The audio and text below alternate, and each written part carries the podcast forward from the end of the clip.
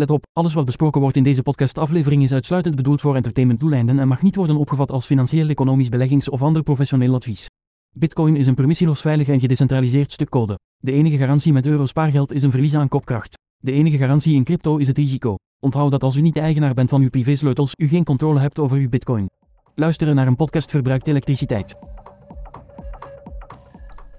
Een goedemorgen, beste luisteraars. Dit is de Alles voor Bitcoin podcast, de onafhankelijke reclamevrije stem van Belgische bitcoiners. Je kan ons vinden op eender welke podcast app. En op Twitter kan je ons vinden op @avbpodcast. Online kan je ons vinden op allesvoorbitcoin.be. Daar staan ook de nodige links, uh, RSS-feed en zo verder. Ook ons adres avb.collider.me staat daarbij. En uh, ja, het is vandaag aflevering 68. Zoals ik kan horen uh, is mijn stem een beetje minder vandaag maar we slaan ons er wel weer door. Het is 1 april, 14 anno Satoshi. De blokhoogte is 783.450. Voor 1 bitcoin betaalt je op de meeste beurzen uh, eh, 28.467 Amerikaanse dollar, oftewel 26.285 euro. En dat is om en bij de 5.700 Big Macs omgerekend. Een paar nieuwtjes. We beginnen met een uh, studie um, gepubliceerd door badcoins.com. Die, uh, ja, die zaten al een tijdje kritiek te geven op die eerste studies over energieverbruik van de bitcoin miners uh, door de Universiteit van Cambridge. En dat rapport van Cambridge werd ja, te pas en te onpas gebruikt om allerlei claims te maken over bitcoin mining. Um, claims waar ze dan al dan niet ook nog uh, informatie uitlieten, afhankelijk van uh, wie er aan het woord was. Lees Greenpeace. Um, maar uh, ja, nu is daar een nieuw rapport van uit, van iemand die daar heel veel werk heeft ingestoken. En daar zien we eigenlijk ook dat de off-the-grid energiebronnen voor bitcoin mining zijn meegenomen eindelijk. En dat is wel uh, heel mooi. De conclusie van dat rapport is vrij duidelijk, want een groot deel uh, van bitcoin mining wordt dus wel degelijk gevoed door elektriciteit die afkomstig is van groene energiebronnen. Nu, wat nog uh, mooier is, uit dat rapport blijkt ook dat die percentages groene stroom ook nog eens jaar op jaar stijgt met om en bij iets boven de 6%. Dus uh, als het zo uh, verder gaat, dan uh, loopt dat heel goed. Of zoals sommige artikelen van een DPG-krant, zoals de morgen wel eens zegt, als het percentage groene energie voor de Bitcoin-netwerk aan dit tempo blijft toenemen, dan zijn ze binnen een paar jaar carbon-negatief. Tip voor een artikel misschien. Nee, uh, alle gekheid op een stokje. Ze, ze, ja, ze roepen daar graag uh, over. We hebben het ook al gezien, Greenpeace, die dan begint met die Skull of Satoshi. Um, een ding dat ze trouwens momenteel heel grappig aan het rondrijden zijn op een grote semi-truck die goed twee uitlaatpijpen heeft. Dus uh, dat om te laten zien van kijk eens uh, hoe vervuilend het allemaal is. Maar uh, ja, dat is wel speciaal natuurlijk. Greenpeace mensen in een grote 4x4 zien rondrijden met een, een stuk bitcoin art erop geladen. Dat, dat, is op zijn zachtst gezegd grappig. Er is ondertussen een tegeninitiatief, um, want Greenpeace noemt dat dan Change the Code. Uh, ja, dat gaan we niet doen. Bye. Je kan dat zelf proberen, Greenpeace. Misschien kan je Bitcoin Greenpeace maken. Dat zou een mooie shitcoin zijn een, eh, een groene versie van de Bitcoin. Maar we zullen zien hoe dat dan draait. Maar die tegenbeweging is ook bezig. Een stuk of uh, 26 uh, Bitcoin-gerelateerde initiatieven en sites ja, zijn daar eigenlijk begonnen met een tegenaanval. En die zeggen dan weer van ja, Greenpeace moet eigenlijk hun uh, mening herzien, want ja, de data spreekt eigenlijk wat zij hier claimen volledig tegen. En dat is wel knap, want dan moeten ze vroeg of laat toegeven natuurlijk dat ze gewoon geld hebben aangenomen van een uh, ja, shitcoin-bende die hen daartoe heeft aangezet. Een heel mooi verhaal vind ik dat, en vooral um, los van bitcoin vind ik dit ook een heel mooi marketingverhaal. Dus mensen die in marketing doen of uh, daar, daar uh, hun beroep van maken, die zouden heel die case study eens moeten doen over Greenpeace en hoe die proberen Bitcoin aan te vallen en hoe ja, een gedecentraliseerde bende zoals Bitcoin terugslaat. Door eigenlijk heel dat verhaal mooi om te keren, te capteren en uh, ja, duidelijk te maken aan het publiek dat het uh, zo erg niet is als, Bitcoin, als Greenpeace zegt met Bitcoin. Um, Integendeel dat wij achterin carbon negatief zijn. Dus um, eat that one, Greenpeace. Ledger uh, die hebben uh, ondertussen 100 miljoen euro fundingrondes uh, afgesloten. Een aantal fundingrondes waarbij ze dus geld ophaalden bij investeerders om meer hardware wallets te gaan ja, researchen en gaan ontwikkelen. Uh, dat is denk ik ook wel nodig, al zouden ze misschien ook, ja, ik blijf dat zeggen, uh, geld moeten steken in het niet laten lekken van data van customers, maar goed. Um, ze hebben dus uh, nu een totale ja, waardeinschatting van 1,3 miljard euro. En dat is toch wel heel verbazingwekkend voor een, ja, een, toch wel een paar jaar geleden een klein Frans firmaatje dat opstartte om ja, een, een hardware wallet te maken die, laat ons zeggen, wat uh, laagdrempelig was. Nu, los, los van uh, de fouten die ze soms maken, is dat wel een uh, goede wallet. Het heeft wat weinig memory, dus iedereen weet dat. Maar langs de andere kant, de nieuwe versies die ze maken, die mogen er best wel zijn. En uh, ja, we gaan die firma zeker niet bashen, want ze maken ja, eigenlijk redelijk goede hardware wallets. vooral hardware wallets die ja, bijna Jan met de pet in de handen kan duwen. En na vijf minuten zijn ze er wel mee vertrokken. Um, is dat super, super veilig en maken ze nooit fouten? ja, wie zal het zeggen? Ik, ik ben eigenlijk niet zo'n specialist. Um, in, in het, het bekritiseren van hardware wallets, omdat daar veel bij komt kijken qua ja, de, de, de gebruikerservaring, zal ik maar zeggen. Ben je een advanced gebruiker of niet? Ken je veel van technische zaken of niet? Weet je heel goed waar je mee bezig bent? Wil je alleen Bitcoin bijhouden of wil je ook nog ja, andere zaken gaan daarop bijhouden? Dus dat dat zijn allemaal zaken die je daarin acht moet nemen. En ja, er is niet één hardware wallet de beste. Uh, voor mij persoonlijk vind ik uh, dat Cold Card er wel heel goed uitziet en heel goed werkt. En van wat ik er ook al mee zelf heb ervaren, is dat ja, heel degelijk materiaal, maar natuurlijk niet echt gebruiksvriendelijk. het is niet zo dat iedereen zijn grootmoeder daar zomaar mee weg is na vijf minuten, om het zacht uit te drukken. Dus ja, hardware wallets is een, een onderwerp voor een later uh, aflevering, waar we misschien eens in een paar van die wallets gaan duiken en meer gaan uitleggen daarover. Een ander nieuwtje, USDC, die hebben een, dat is de stablecoin van Circle, die zien ongeveer een 10 miljard dollar outflow Um, terwijl uh, Tether, uh, de, ja, de concurrent zullen we maar zeggen, de, uh, de, de go-to stablecoin, eigenlijk ja, meer inflow ziet. En dat, dat staat sinds 22 maanden, ongeveer een twee jaar, heeft dat nog nooit zo hoog gestaan, die balans. Dus die USDT, die, ja, die bestaat nu, of die neemt nu ongeveer een 60% van de stablecoin-markt in. En dat is toch wel ja, opmerkelijk. Heeft niet rechtstreeks met Bitcoin te maken, maar laat ons een kat een kat noemen. Uh, dat is ook het deel van onze markt, die stablecoins. Het is natuurlijk ook wel belangrijk om te weten welke bedrijven er daar steviger staan, welke coin er daar stevig staat en welke niet. Als bijvoorbeeld morgen eh, USDC van Circle zou neergaan, ik zeg zou neergaan, ja, dan heeft dat toch wel een enorm belangrijke impact op heel die markt, ook op Bitcoin. Ook verbazend trouwens, over Bitcoin gesproken, hoe uh, heel die ordinals-hype zeer snel aan het weg hebben is. Uh, dat terzijde. We gaan het even hebben over banken, want dat is altijd interessant natuurlijk. Ehm, BNP Paribas, um, die, uh, ja, die hier natuurlijk uh, vooral onder de naam Fortis nog gekend zijn, die, uh, ja, die schijnen hier en daar weer mensen te beginnen ja, aanbeteren, zoals wij dat in Antwerpen zeggen. die beginnen die wat lastig te vallen door transacties te weigeren. Nu, um, dat zijn natuurlijk transacties van en naar cryptocurrency exchanges.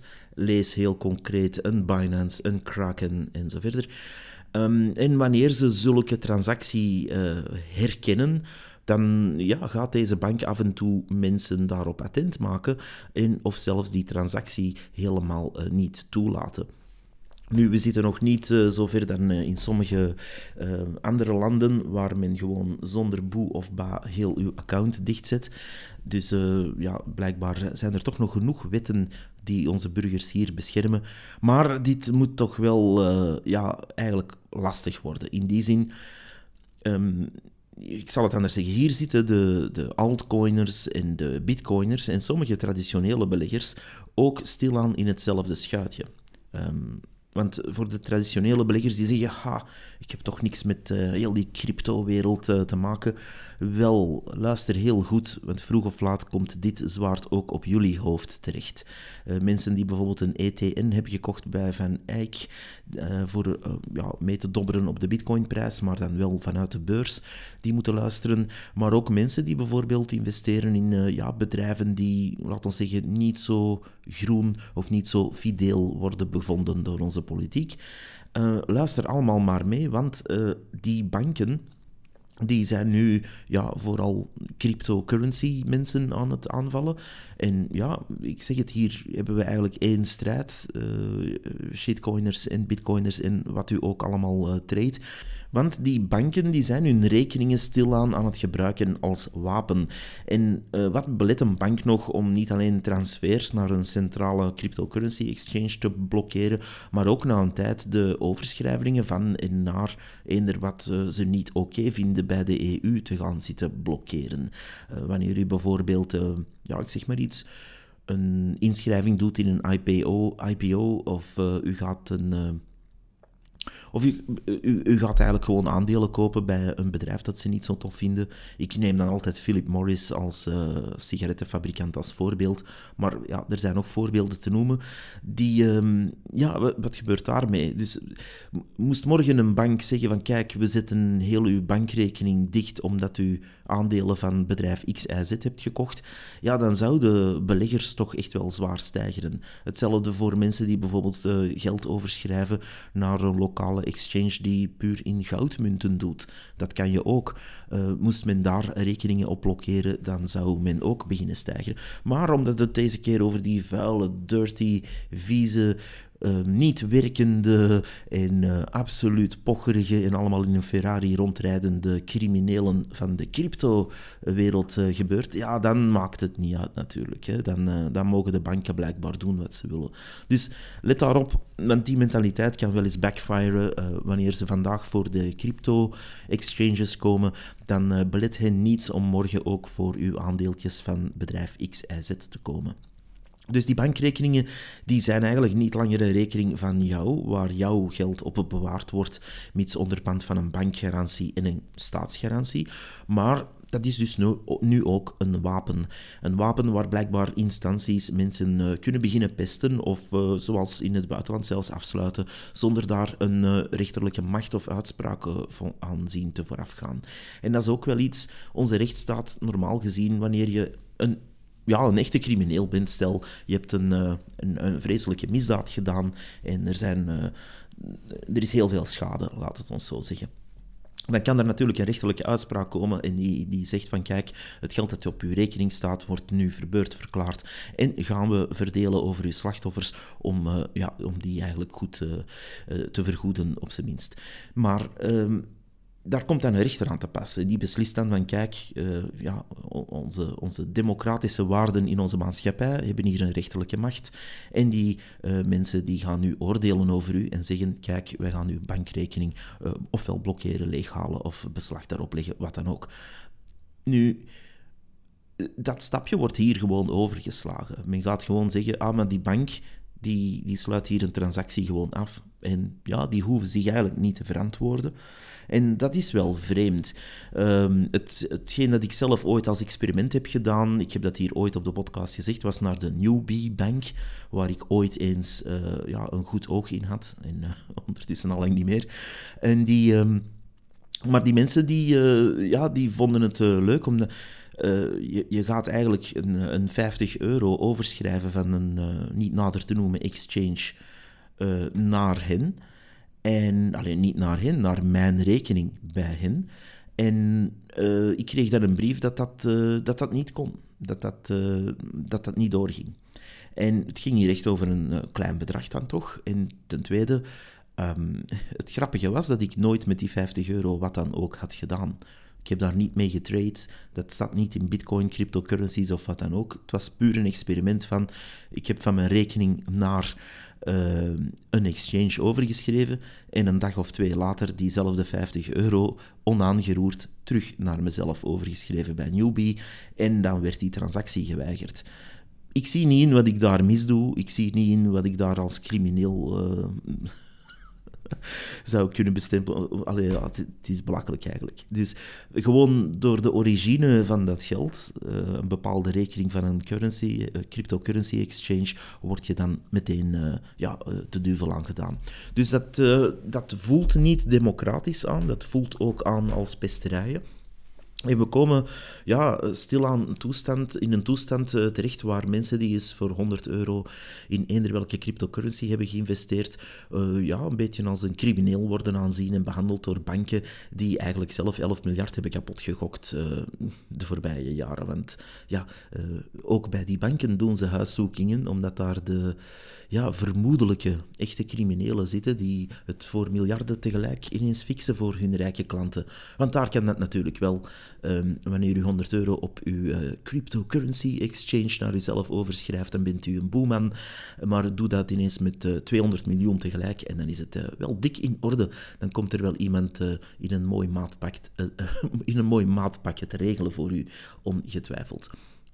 Um, wanneer een bank zoiets doet, uh, zou ik zeggen, of toch, ja, denk daar eens over na, uh, is het dan niet tijd om op een ander te gaan? En uh, er zijn een aantal banken die meer crypto-vriendelijk zijn. Uh, niet altijd Belgische banken. Er zijn voorbeelden genoeg als u even online zoekt. Ik ga geen namen noemen hier, want uh, of moet u mijn referral link hebben? um, dus dat daar doen wij niet aan mee. Dus als u zelf even uw verstand gebruikt, zijn er wel banken die ja, miljoenen klanten hebben, meer dan 24 miljoen klanten zelfs, en die ja, een ware revolte creëren in de, in de bankmarkt om, om toch het een en ander goed te doen voor hun klanten. Um, in ieder geval, ik zou zeggen, moest uh, zo'n bank zoiets doen, trek daar uw conclusies uit. En blijf die mensen dan geen geld geven. En misschien, heel misschien, komt dan het, uh, de maatregeltjes die ze zo treffen als een boemerang terug in hun gezicht terecht. En dan, uh, ja, dan kunnen ze misschien zelf ook eens ruggengraat laten zien tegenover de politici en tegenover de instanties die hen uh, dat soort dingen laten doen. Maar dat komt niet alleen van hen. Ik kan me niet voorstellen dat een bank Ehm, niet graag ziet dat mensen geld uh, ja, op de rekeningen bij die bank zetten. Dus dat, uh, dat lijkt me nogal raar dat een commerciële bank dat uh, niet tof zou vinden en daar dan hun eigen klanten gaat zitten pesten. Dus dat komt niet alleen van henzelf, dat komt van hogerop. En ja, daar moeten ze dan zelf maar eens paal en perk aanstellen en proberen um, geen theater meer te spelen, maar echt te reageren. En dan gaan we het eens hebben over Blockchain for Belgium. Zoals uh, aangekondigd uh, ben ik daar uh, ook naartoe geweest. nog enkele bekenden zijn meegekomen. mensen die daar ook interesse hadden vanuit onze community, zal ik maar zeggen. Nu, oh, waar moet ik beginnen? Ik, ik, zal eerst even zeggen wat het precies was, want sommige mensen zullen niet helemaal mee zijn. Uh, B4B, of uh, Blockchain for Belgium, is eigenlijk een initiatief dat um, deel uitmaakte ook van de AI Weeks in Brussel. Maar dat initiatief op zich is veel meer dan dat. Uh, die gaan eigenlijk uh, professionals binnen de blockchain space uh, bij elkaar brengen en verdelen in werkgroepen om adviezen te geven aan onze politici. Nu, de launch van heel dit project um, was eigenlijk, allee, de officiële kick-off was 30 maart en daar zijn we dus donderdag naartoe geweest. Nu, ja, ten eerste vond dat plaats in, een, in de WTC-toren, dus dat was nu niet echt bepaald de prettigste plek om te verblijven. Maar goed, los van de mufheid in het jaren 70 sfeertje dat er hangt, um, ja, was het toch wel goed georganiseerd. En ehm, die lancering uh, ja, ging eigenlijk gepaard met een uh, start en uh, een aantal speeches van mensen die, die daar die werkgroepen eigenlijk gingen voorstellen. Um, er waren werkgroepen groepen, onder andere over taxatie en over andere, onder andere over de, de technische in, invulling en noem het maar op. Nu, ja, wie daar allemaal kwamen spreken, ga nu zelf opzoeken. Uh, de website dat is uh, blockchain4belgium.eu geschreven. Um, nu, ja, een paar takeaways dat we daarvan uh, van kunnen nemen. Eerst, en, eerst en vooral wil ik zeggen, ik vond het eigenlijk beter dan ik had verwacht. Ik had een, een vrij lage verwachtingspatroon. Um, in die zin dat het initiatief vanuit de overheid kwam en dat er daar een aantal werkgroepen bij elkaar kwamen met een ja, wat ronk namen, maar ook met de ja, namen die we in de financiële wereld uh, vaak zien opduiken, zoals KPMG en zo. Dus ik, mijn verwachtingen waren nogal laag gespannen, om het zacht uit te drukken. Maar uh, ja, het was, het was prettig eigenlijk om, om te zien dat er daar toch heel, een heleboel mensen, ik schat een, een, een 50% toch ja, echt de professionals waren en, en daar eh, de nodige speeches gaven en de nodige begeestering hadden om, um, om blockchain als instrument te gaan verdedigen. Dus uh, tot daar was het eigenlijk positief. Um, ja, de eerste takeaway die ik hieruit haalde was eigenlijk dat Bitcoin echt wel uh, heel superieur is. In die zin, wanneer je het gaat vergelijken met eh, de implementaties die ze zijn aan het zoeken om blockchain te kunnen gaan gebruiken uh, in andere zaken dan ja, waar het wordt voor gebruikt bij Bitcoin, is het natuurlijk wel uh, knap om te zien dat men zich in duizend bochten moet wringen om dat ja, een nut, een bestaansrecht te geven. Aan de andere kant, en dat is een tweeluik eigenlijk, Bitcoin is ook superieur omdat daar ja, eigenlijk continu de vraag werd gesteld binnen die blockchain speeches van value creation. En het, het creëren van die waarde. En ja, dat, uh, die, die vraag stelt zich al niet meer bij Bitcoin. Dus die value creation is al gedaan. Um, die markt speelt, er plakt een prijs op. En ja, iedereen die daar ook maar een beetje research heeft rond gedaan, ziet de waarde van Bitcoin. Dus uh, in het permissieloze, in het gedecentraliseerde, noem maar op. Nu, die value creation die kwam steeds terug in die speeches. Maar wat me ook opviel is dat men daar uh, ja, het echt als een instrument ziet. En hoe moet ik dat zeggen? Die, ik, doe het hier even off script, want ik, ik vind het te, te, belangrijk om, om die impressies even live gewoon te geven zoals ik ze in, in me op zie komen. Die. Um, die, die hele houding daar was eigenlijk van, kijk, we zijn hier een boel bedrijven en we komen ons ding voorstellen.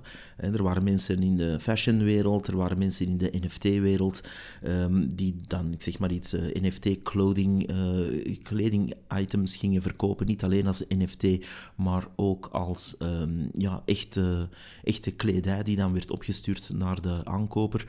Um, dus daar, daar waren uh, allerlei. Ik pik dat voorbeeld er nu maar uit. Dat was uiteraard uh, niet de hoofdzaak daar. Maar dat, dat soort zaken werd voorgesteld. Maar die, die begeestering was er wel. Dus dat zijn mensen die daar hun bedrijf of hun initiatief kwamen representeren. daar goede voorbeelden van gaven. ja, de ene presentatie was al wat meer geïnspireerd dan de andere natuurlijk. Maar in het algemeen ja, kwam dat mij er positief uit. Een, een professioneel uitstraling ook. Op een paar ja, kleine kanttekeningen na. Ik vond dat een aantal bedrijven een beetje een modderfiguur sloegen. Maar goed, uh, het hangt er ook vanaf wie je daar zit of uh, wie, uh, wie je laat praten natuurlijk, vermoed ik. En of die al dan niet hun speech hebben voorbereid. Wat me ook opviel is dat men uh, nog niet ver uh, stond. Uh, daar zijn toch een paar ja, kanttekeningen bij te maken. Wanneer je het continu hebt van nou, we moeten dit nog opzetten, we moeten hier samenwerking mee opstarten en noem maar op. Het is duidelijk dat uit die werkgroepen, waar ze nu, ik denk dat er een stuk of acht zijn, waar ze dus in gaan samenwerken rond die thema's om ja, eigenlijk raad te geven aan onze politici en onze wetgevers macht. Um, ja, ik denk dat daar heel veel werk zal moeten gebeuren omdat er natuurlijk uh, een aantal zaken moeten overtuigd worden, ook aan de, stand, aan de kant van de staat zelf. Um, nu, ja, die, ja, die, de, de blockchain space op zich, en dat vond ik verbazend. Eén iemand had daar een, een mooie slide in die zei van, hebben we blockchain nodig? En was er eigenlijk zo'n diagram met no. En dus men beseft dat wel zelf, in de zin van dat je meestal gewoon een database kan gebruiken om die data op te slaan. Uh, men weet ook dat er... Uh, natuurlijk wat verandering op til is. En dat je soms een extraatje kan doen aan je product of in je bedrijf om te zeggen van kijk, we gaan blockchain gebruiken net om dat extraatje transparantie bijvoorbeeld te geven. Of om dat extraatje te geven van um, ja, het niet veranderlijk zijn van wat er in onze database steekt. Dat heeft uiteraard allemaal voor- en nadelen. En ja, wanneer je die mensen allemaal bezig hoort, heb ik daar vooral één vraag bij van kijk, als de staat hier dit uh, item of dit, deze tool, blockchain, gaat aanraken en daar iets mee gaat doen, dan, um, dan komen we heel snel in het computer says no effect uh, van die. Allee, van, van die mensen van, ja, kijk, ik check op mijn computer in de blockchain, daar staat uw data, zeg maar niet, uw rijbewijs staat op no. ja, dan hebt u geen rijbewijs meer. En hoe dat daar in die blockchain is geschreven, maakt niet uit. Um, terwijl ja, vroeger misschien nog iemand die obviously zag dat het een vergissing was, bijvoorbeeld omdat uh, de datum een eeuw verkeerd stond, of noem het maar op, dan kon die, ja, die ambtenaar in dat geval toch nog zeggen: uh, Ja, ik ga hier iets aan doen, of ik ga een procedure opstarten om dat uh, goed te maken, of die data te veranderen of juist te zetten, of wat dan ook. ik geef hier maar een stom voorbeeld, maar in, in die zin dat menselijke aspect, daar vrees ik een beetje voor dat de staat nogal blind gaat dat toepassen. En uh, ja, een bedrijf onder de arm nemen die dan gewoon ja, een blockchain opzet om wat dan ook in de administratie te gaan vervangen. Natuurlijk, uh, één iemand, en dat, is de, de, ja, de takeaway dat ik ook vooral heb onthouden uit een van de eerste speeches daar, uh, was dat die. Um, die man die, die, die sprak voor zijn bedrijf, het maakt zelfs niet uit welk bedrijf, een, een blockchain-firma die toch echt wel serieuze dingen deed. En hij zei van, de grootste uitdaging die we hier gaan hebben is om de staat, onze overheden te proberen overhalen om decentralisatie te omarmen. En daar, uh, ja, daar, daar zit wel wat in. In die zin, wanneer je er echt over gaat nadenken, en, en dat, dat, uh, ja, dat, dat, is wel fascinerend. Namelijk, een staat op zich is maar ja, een, een stuk gebied dat al dan niet historisch is gegroeid. En uh, waar bepaalde landsgrenzen dan zijn vastgelegd in historische akkoorden. En waar een liedje en een vlag bij hoort, blijkbaar. En genummerde taxenslaven, zoals ik dat dan noem, de onderdanen, de burgers hoe je ze ook wil noemen. En dat is dan ja, een land. En dat heeft een bepaald beleid en een bepaalde insteek, bepaalde taxatiegraad en zo verder. En zulk systeem, dat dan nog gevoed wordt door allerlei politici die meestal naar dat we zien, niet al te veel dossierkennis hebben in het algemeen. Maar goed, ik veralgemeen hier. Als heel dat boeltje uh, decentralisatie moet gaan toepassen, dan vraag ik, me ten eerste af, vraag ik mij ten eerste af welk soort decentralisatie. Want geografische decentralisatie zal het al niet zijn, vermoed ik. Maar decentralisatie ook qua ja, wie mag er iets op die blockchain gaan zetten. Dus dat zijn allemaal vragen die men in die werkgroepen gaat proberen te beantwoorden. Waar men uh, krijtlijnen gaat proberen uit te, te tekenen voor onze politici. En waar er misschien ooit eens goede wetgeving rondkomt. We staan hier uiteraard tegenover andere landen weer mijlenver achter. Net zoals bij de online verkoop uh, en bij de hele e-commerce, uh, waar we de boot hebben gemist. Uh, België heeft ook duidelijk, overduidelijk de boot gemist op Bitcoin-initiatieven. Er zijn hier nauwelijks bedrijven die daar ja, echt mee bezig zijn of in de wereld iets voorstellen daar rond. Dus ja, en dan zie je, en dat wil ik toch even vermelden, helemaal in het begin is er een speech van een, uh, een politieker. Ik, weet zelfs zijn titel niet. Hij werd uh, wel voorgesteld, maar het was allemaal zo snel dat ik uh, niet weet, is dat nu een minister of is dat nu een kabinetsmedewerker? ik, ik zou het echt niet weten. Um, het maakt ook eigenlijk weinig uit. Hij vertegenwoordigde eigenlijk de overheid daar. En hij gaf een speech En ja, ik mag heel eerlijk zijn, denk ik. Ik denk niet dat er uh, iemand in de zaal dat een begeesterende speech vond, uh, om het zacht uit te drukken. Dus die man die staat daar te, ja, slecht voorbereid te wauwelen, in mijn opinie. En dan denk ik van, ja, is het dit nu? Dus de, van de kant van de overheid verwacht ik nooit niet veel. Nu, ik ben een bitcoiner, ik heb natuurlijk een bepaalde bril op. Dus we, we, we hebben daar een natuurlijke ja, aversie of wantrouwen op zijn minst tegen. Maar aan de andere kant, wanneer je dan naar zo'n conferentie gaat waar effectief uh, mensen met politiek uh, mandaat uh, ja, een speech komen geven daarover, dan merk je dat die daar, ja, goh, ga niet te onderbiedig worden, maar begeesterend was het alleszins niet, ik zal het zo zeggen. En dat, dat is heel jammer ook, hè, want je kan daar ook op een heel andere manier staan en zeggen, hey, we moeten dit doen. We weten dat we hier achter staan, maar we gaan ik zeg maar iets, dat of dat of dat uh, item of die administratie gaan we zo snel mogelijk uh, iets nuttigs geven waar we iets extra mee kunnen bieden aan de burger op gebied van blockchain. Want dat zijn ook de twee kanten. Um, ik heb hier nu belicht dat we een beetje kunnen schrik hebben van het uh, computer says no effect, waar je uh, ja, blind vertrouwen gaat hebben in een databank, blockchain of wat het dan ook mag zijn. Als het op je schermpje komt, dan zal het wel waar zijn. Dus dat is de andere kant. Maar er zijn ook scenario's te bedenken waar de burger zelf een enorm voordeel gaat halen uit blockchain-technologie, waar er niet um, ik zal het zeggen, een of andere ambtenaar om te pesten of omdat hij een slechte dag heeft gehad, um, iets kan gaan veranderen zomaar. Dus dan heb je wel een garantie van, ah nee, kijk, ik heb hier, zeg maar iets, een uh, vergunning aangevraagd om iets te bouwen, laat ons zeggen. En, uh, of een milieuvergunning, of het maakt niet uit wat, eigenlijk een vergunning. En ik hang nu af van de goedkeuring van de staat. En ja, ik hang ook niet af van of er daar dat op de bureau terechtkomt van meneer 1 of mevrouw 2. En mevrouw 2 keurt dat meteen goed en vindt het allemaal oké. maar als je de pech hebt, kom je op de desk van meneer 1 terecht. Ja, en die heeft uh, een hele slechte dag die dag. En die gaat uh, het niet goedkeuren de eerste twee maanden. Dus dat soort gedoe heb je dan, die willekeur heb je dan als burger minder, omdat het gewoon ja, vast ligt en op de blockchain kan geverifieerd worden van hé hey, kijk, het is hier binnengekomen en uh, ja, het, het, zit nu daar en dat kan beter opgevolgd worden, dat is ook meer transparant. En dan hang je natuurlijk nog af van real-life beslissingen, want het Oracle-probleem, ja, daar wordt met geen woord over gerept bij al die uh, blockchain-mensen. Uh, je moet wel degelijk vroeg of laat iemand hebben die uh, in, het geval, in het geval van zo'n vergunning ja, iets gaat nakijken. En soms is dat heel makkelijk in een, in een database, kijken van, hey, staat dit vinkje achter die naam?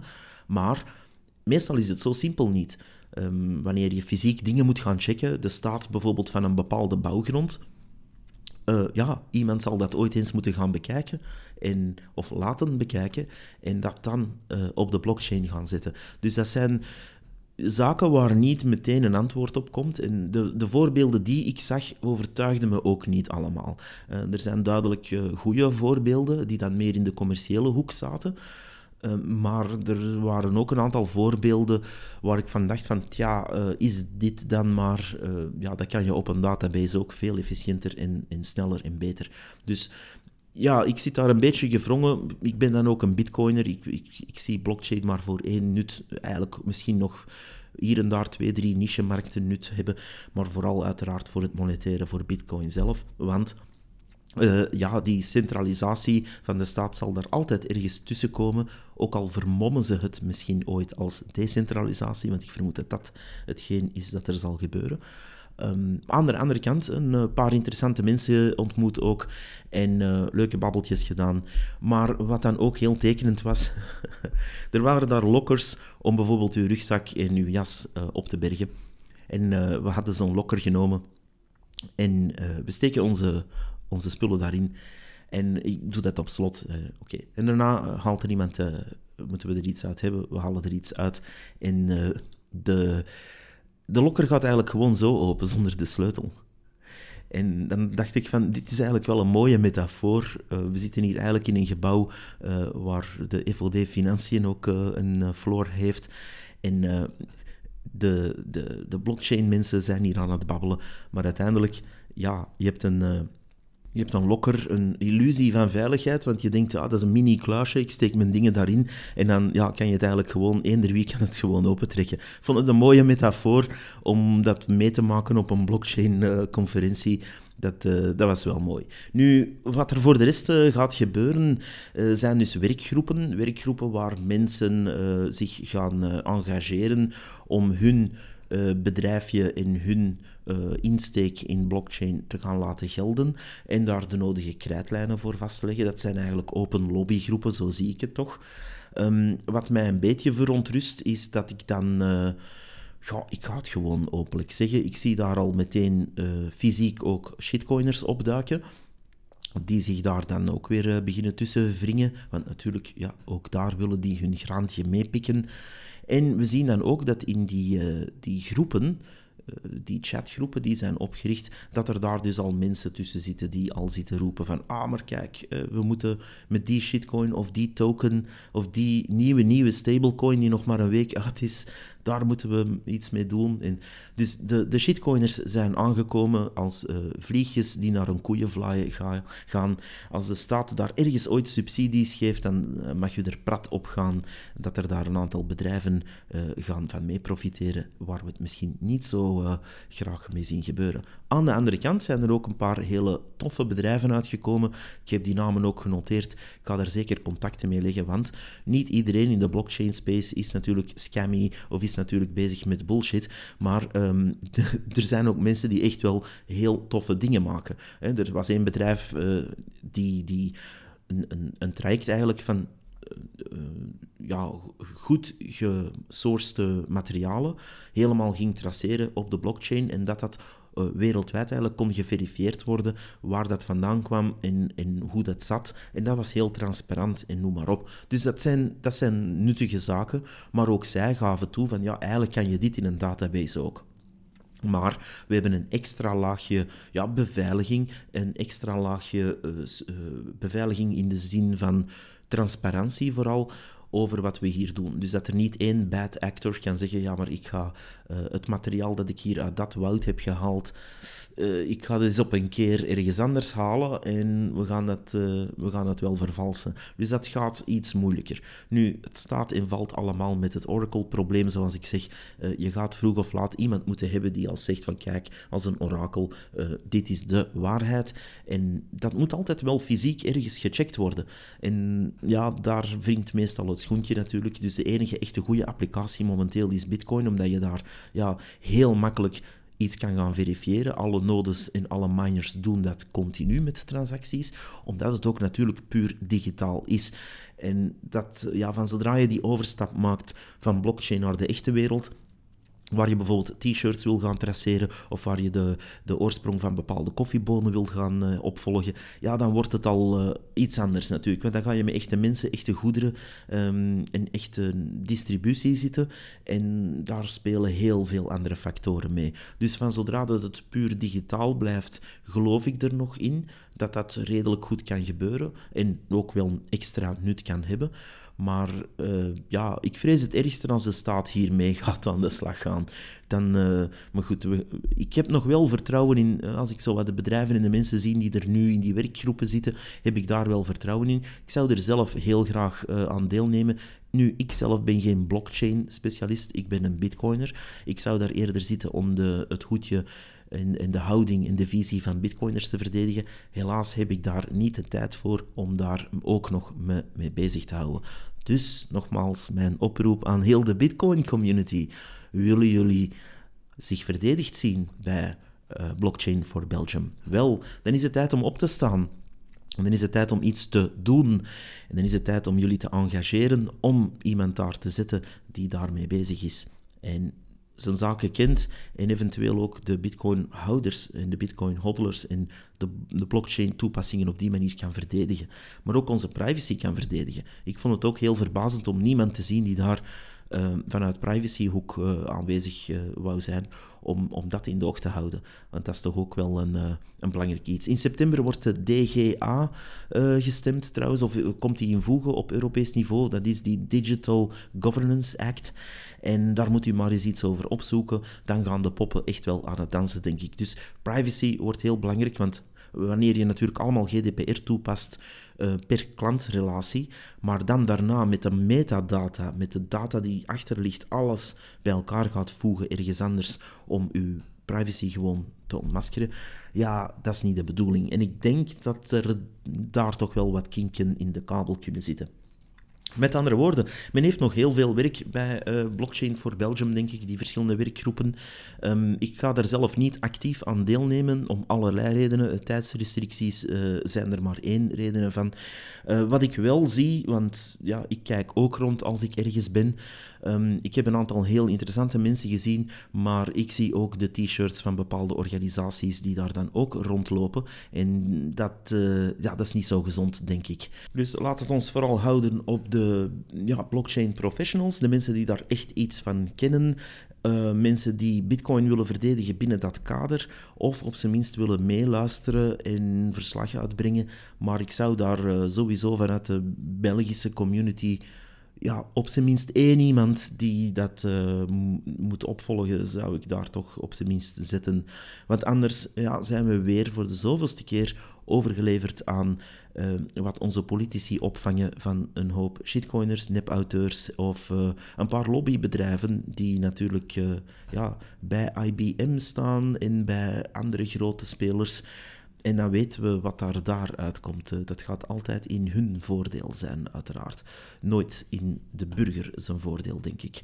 Um, maar goed, uh, dat was dus een korte opsomming van die blockchain voor Belgium. Is dat in het algemeen positief? Ja, eigenlijk wel. Ik vond het uh, beter dan verwacht. En ik vond ook dat die mensen ook wel beseften dat ze ja, veel werk voor de boeg hadden om de staat te overhalen om decentralisatie op welk niveau dan ook te gaan omarmen. En dat is dan de grootste takeaway dat ik daarvan meeneem. Mijn stem is op. Ik ga uh, mijn keel nu even laten rusten. Um, Hopelijk tot uh, een deze dagen. Ik ga een uh, drukke maand april weer tegemoet. Dus ik denk dat het aantal afleveringen ietsje zal dalen. Maar hey, wie weet, je weet nooit wat er allemaal gebeurt. In ieder geval gaan we ook proberen nog wat basics afleveringen uit te rollen. Maar vooral zou ik zeggen, keep stacking some sets. Bye.